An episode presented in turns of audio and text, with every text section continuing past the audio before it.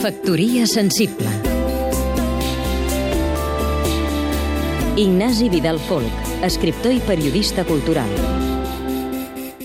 Lo saben, aquel que diu com m'agradaria d'allunyar-me nord enllà on diuen que la gent és neta, feliç, rica, benaurada, feliç. Oi que sí que us sona? És un dels versos més coneguts de Salvador Espriu. Parla de la tentació a la qual cedim tan sovint de considerar que la nostra veritable pertinença, la nostra pertinença espiritual, no és el sud amb els perdedors de la història, sinó el nord, amb els escandinaus, que són rics i socialdemòcrates, o els britànics, que guanyen les guerres, o almenys amb la dolça França, amb Trenet, amb la Rive Gauche i les noies de París. La gent madura sovint pensem com una nena romàntica i somiatruites que imagina que els seus pares veritables no són els que té, sinó uns prínceps que algun dia vindran a rescatar-la de la seva vida estreta.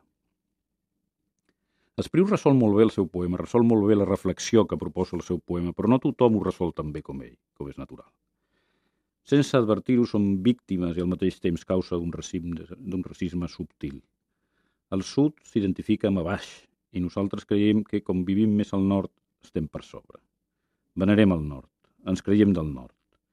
O si més no, el nord del sud. Això és estúpid, però ens hem de consolar pensant que aquesta estupidesa li passa a tothom. El menyspreu és una tara universal.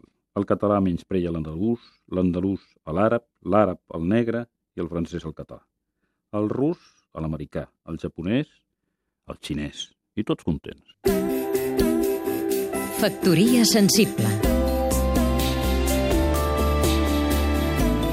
Seguim-nos també a catradio.cat